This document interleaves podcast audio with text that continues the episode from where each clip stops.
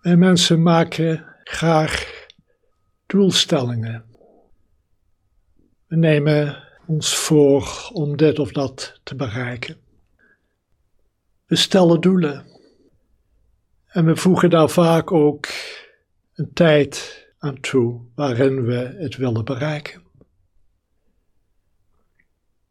Misschien heb je wel met het nieuwe jaar goede voornemens om het een of ander dit jaar te doen, of misschien te laten. Soms hebben we te maken met doelen of doelstellingen die in ons werk gegeven worden, met een tijdslimiet om het te behalen. Doelen op zich zijn absoluut niet verkeerd. Ze kunnen ons leven richting geven. Voor sommige mensen kunnen ze zelfs het leven betekenis geven. Naar iets uit te kijken, iets te willen bereiken. Ook in onze beoefening is er in zekere mate een doel dat we willen bereiken. De meditatie verdiepen, misschien wel verlichting ervaren. Op zijn minst wat rustig en stil in het hoofd worden. Als we te zeer gaan vasthouden aan doelen, kan ons streven erna een gespannen kwaliteit krijgen. Iets heel onrustigs. We beginnen mentaal en fysiek aan te spannen. Er ontstaat stress. Iedereen kent het wel. Vooral wanneer je iets moet doen binnen een bepaalde tijdslimiet. De stress kan soms aardig oplopen. Wanneer we doelen te concreet maken en eraan vasthouden. In zekere helpen we onszelf niet om het dan te bereiken. Zijn meester Dogen schrijft in de Shobogenzo Arriveren wordt gehinderd door arriveren.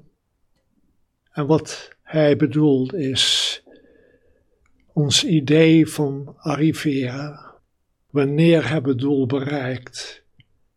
Dat kan in de weg gaan zitten van het bereiken van het doel. We gaan oordelen. We worden kritisch op onszelf of op de omstandigheden. We beginnen anderen misschien als hinderlijk of als tegenstander te ervaren in het bereiken van ons doel. Je kan het in je eigen leven waarnemen of bij anderen. Wat behulpzaam in dit alles is, is om het doel niet alleen maar te zien als een aankomstpunt waar je in wil aankomen, maar ook als vertrekpunt.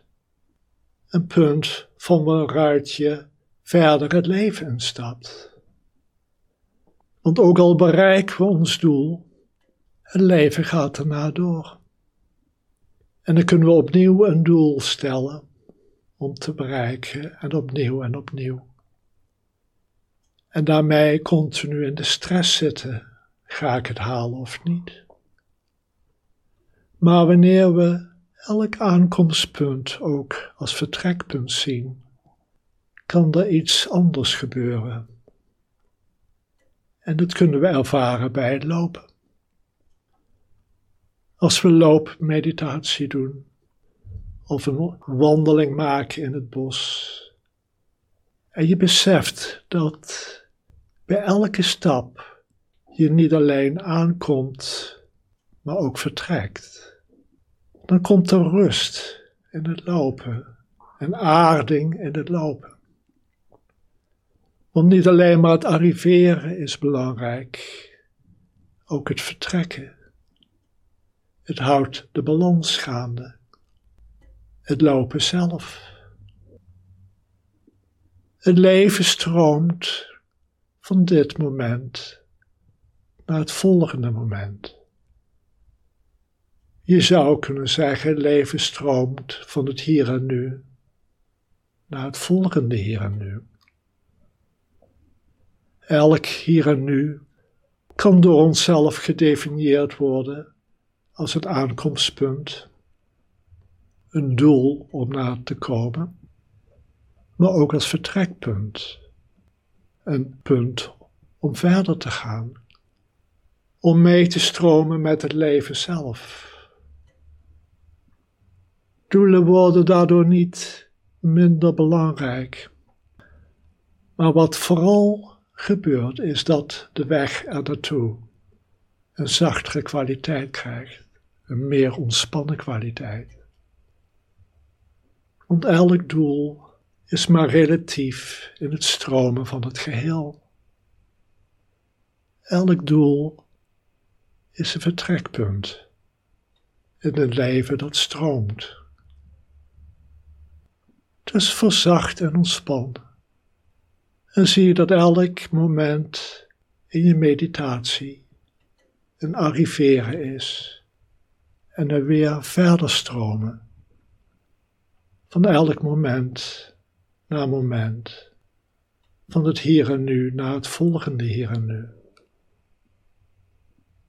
En dan kunnen we, zoals de Hart Sutra zegt, werkelijk zien dat zelfs in onze beoefening het Boeddha worden geen doel is, maar continu ontvouwen. Gaan, doorgaan, altijd verder gaan. Altijd Boeddha worden. Elk moment weer.